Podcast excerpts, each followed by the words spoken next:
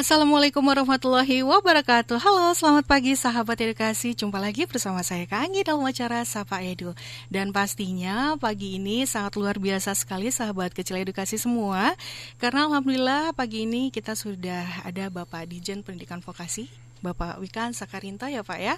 Assalamualaikum warahmatullahi wabarakatuh. Waalaikumsalam. Selamat pagi Mbak Anggi. Iya. Selamat pagi sahabat edukasi yang selalu semangat dan penuh ceria dalam belajar. Iya. Bagaimana kabarnya Pak pagi ini? Alhamdulillah. Alhamdulillah. Baik, meskipun kemarin saya cedera agak parah main uh -huh. tenis melawan Komandan Kostrat. Oh. Salah memilih lawan. Oke. Terlalu Tapi berat. hari ini sudah baikan ya Pak ya? Ini saya di bela, apa di bebat tangannya oh, ini. Okay. Setelah fisioterapi, tapi tetap semangat. Semangat dong ya Pak ya. ya. Jangan mempengaruhi semangat pagi sahabat edukasi semuanya. Betul sekali. Pokoknya apa pun yang terjadi harus, harus semangat, semangat dan juga harus uh, tetap menjaga protokol kesehatan ya Pak ya. Itu hmm. sangat penting. Sahabat kecil edukasi di mana pun berada, jangan lupa cuci tangan ya. Kalau misalnya habis makan, sebelum makan dan aktivitas ya Pak ya, jangan ya. lupa cuci tangan. Terus juga gunakan masker kalau mau berpergian ya. gitu ya. Nah Pak bicara tentang pendidikan vokasi nih ya Pak, kita ngobrol sedikit tentang pendidikan vokasi. Ya. Kayaknya uh, agak sedikit masyarakat agak kurang begitu familiar dengan namanya ya Pak pendidikan vokasi. Apa sih Pak pendidikan vokasi itu Pak? Boleh dijelaskan sedikit? Mungkin kalau untuk menggambarkan secara simpel apa yeah. sih vokasi itu? Kalau adik-adik mungkin bayanginya langsung aja SMK yeah. okay. atau kuliah di kampus vokasi mm-hmm. atau politeknik. Nah, itu pendidikan vokasi. Mm-hmm. Pendidikan vokasi itu banyak prakteknya Mbak Anggi. Oke, okay, Pak. Daripada teorinya. Mm-hmm. Tapi tetap ada teorinya. Jadi kalau adik-adik yang punya kesenangan untuk praktek dan hmm. tetap harus belajar loh ya iya. artinya yeah. jangan saya nggak suka belajar saya nggak suka matematika hmm. aku masuk vokasi aja karena di sana hmm. banyak prakteknya bukan seperti itu juga yeah pun kalau nanti menjadi ahli pengelas hmm. atau mungkin menjadi chef hmm. atau menjadi uh, ahli otomotif hmm. atau mungkin juga menjadi desainer mm-hmm. apa fashion pakaian nah itulah nanti profesi-profesi yang dihasilkan dari pendidikan vokasi selama adik-adik memang punya gairah dan kesenangan untuk menjadi bekerja pada profesi itu mm-hmm. maka vokasi adalah tempat yang sangat tepat mm-hmm. karena kita saat ini membangun besar-besaran Mbak Anggi yeah. Uh, peralatan laboratorium di SMK dan politeknik itu kita mm-hmm. bangun dengan uh, betul-betul link and match. Apa itu link and match adik-adik? Itu hmm. adalah uh, connect betul, terhubung betul dengan industri dan dunia kerja. Artinya apa? Hmm. SMK, Politeknik itu kami betul-betul dempetkan di lim dengan industri dan dunia kerja. Sehingga apa yang mereka butuhkan itu yang kita hasilkan dan kita luluskan. Wah, sahabat kecil edukasi sudah paham ya apa itu pendidikan vokasi dan yang pasti sahabat kecil edukasi harus terus semangat walaupun kita belajar jarak jauh tetap harus semangat terus ya. Betul, betul. Hmm. Baik, Pak. Apa aja sih sebenarnya tugas dan fungsi dari Dirjen Pendidikan Vokasi ini, Pak? Ya, kami mengelola 14.000 SMK hmm. adik-adik. Kami juga mengelola 2.200 kampus atau politeknik hmm. Indonesia serta kami juga mengelola 17.000 hmm. uh, lembaga kursus dan pelatihan. Jadi kita mengelola itu semua.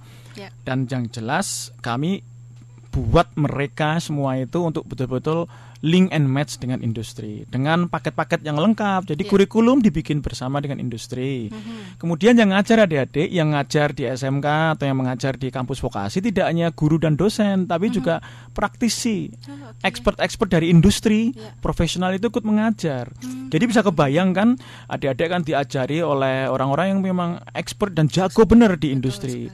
Serta nanti satu semester minimal mm-hmm. adik-adik kalau masuk ke vokasi atau SMK adik-adik harus magang di industri. Nah, magang ini yang keren mm-hmm. banget Mbak Anggi. Yeah. Karena waktu magang itu mm-hmm. uh, siswa atau mahasiswa vokasi atau mm-hmm. siswa SMK benar-benar latihan kerja. Latihan, latihan bekerja dan latihan mm-hmm. untuk bekerja sama dengan calon perusahaan mereka di masa depan. Baik. Jadi belum lulus aja udah mm-hmm. kenalan dengan yang akan merekrut uh, dari dunia pekerjaan. Langsung terjun gitu ya, Pak ya? Iya, iya. Intinya mm-hmm uh, belajar berenang itu nggak mungkin teori. Betul. Belajar berenang itu nyemplung, Langsung. entah di kolamnya atau ke laut samudra. Nah itulah apa uh, yang kita kembangkan untuk pendidikan vokasi. Baik.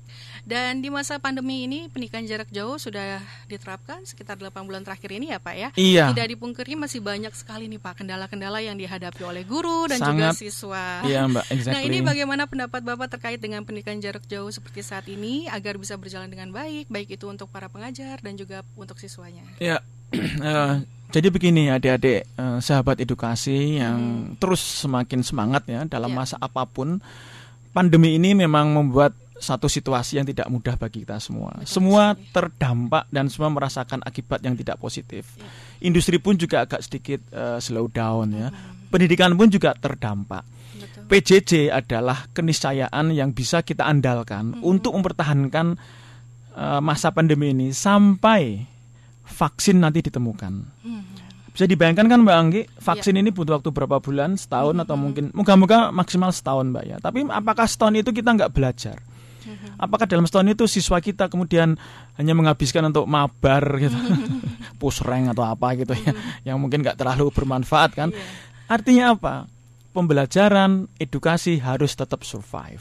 Betul, mungkin betul. tidak ideal, PJJ, pendidikan jarak jauh, tetapi di mana pun, kapan pun, bagaimanapun, apa pun tantangannya, kalau adik-adik tetap semangatnya untuk belajar, apa itu belajar? Menjadi lebih baik daripada kemarin. Betul tidak perlu menjadi lebih baik daripada orang lain. Mm-hmm. Jadilah lebih baik daripada kamu kemarin.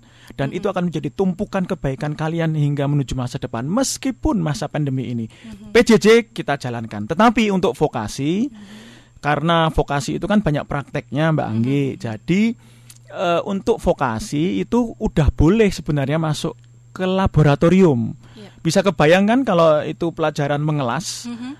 Bagaimana mungkin siswa SMK pelajaran mengelas itu daring. daring. Apa yang dilas di dalam kamar mereka? Yeah. Kan harus masuk laboratorium, pegang hmm. mesin las, ngidupin mesin las, hmm. nyambungin besi dan Betul. dilas dan nanti diuji. Yeah. Nah, untuk vokasi, untuk pembelajaran praktek memang sudah bisa masuk ke laboratorium dengan hmm. catatan protokol, protokol COVID kesehatan. harus benar-benar significant place uh, menjadi konsiderasi, menjadi pertimbangan sekali. utama.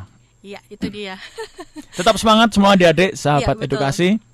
Jadi masa pandemi ini bukan halangan, bukan rintangan untuk kita terus belajar ya Pak ya. Tidak ada halangan. Hmm. Tuhan tidak akan menciptakan halangan yang nggak bisa kita lampaui. Yang membuat nggak bisa kita lampaui adalah kita sendiri yang tidak ingin melalui itu semua. Betul, kita sudah menyerah sebelum kita mencoba. Baik. Jangan sampai seperti itu ya, adik-adik. Wah luar biasa sekali semangatnya ya sahabat kecerdasan Mudah-mudahan adik-adik di rumah juga semangatnya terbangkit ya Pak ya. Amin Amin. Kedatangan Bapak di Amin. sini memberikan motivasi kepada adik-adik Karena adik-adik kita itulah yang akan meneruskan Indonesia di masa depan. Ya, Calon pemimpin Indonesia masa depan. Sahabat edukasi Sahabat semuanya. edukasi Baik terakhir ya Pak pesan dan harapan dong Pak Terkait dengan pemanfaatan TIK untuk pembelajaran ke depannya. Ya uh, Fenomena TIK ini memang sudah mengejala ya adik-adik. Ya bisa menjadi positif, mhm. bisa menjadi biasa aja, atau bisa menjadi negatif kalau itu berlebihan. Misalnya main game berlebihan. Mhm. Oke. Okay. TIK telah menjadi teman adik-adik bahkan ketika adik-adik dilahirkan di dunia ini hmm. sudah bersama TIK. Beda dengan zaman saya dulu. Hmm. Zaman saya dulu handphone belum ada. Nah, adik-adik, TIK apa pun gadget, digital, uh, medsos dan semuanya itu adalah alat adik-adik untuk menuju sukses masa depan. Alat itu kalau salah digunakan akan merusak adik-adik sendiri. Jadi jangan sampai adik-adik dikuasai oleh alat itu. Kuasailah alat-alat itu untuk masa depan adik-adik semua. Dan orang tua kita pasti bisa dengan bijak, dengan baik untuk membimbing itu semua. Terima kasih. Semangat pagi. Luar biasa. Sukses terus. Terima kasih Pak atas waktunya Terima yang kasih, sudah diberikan ya untuk sahabat edukasi dan kayaknya waktu lima menit ini nggak cukup ngobrol-ngobrol dengan 15 Pak menit ya Mbak ya.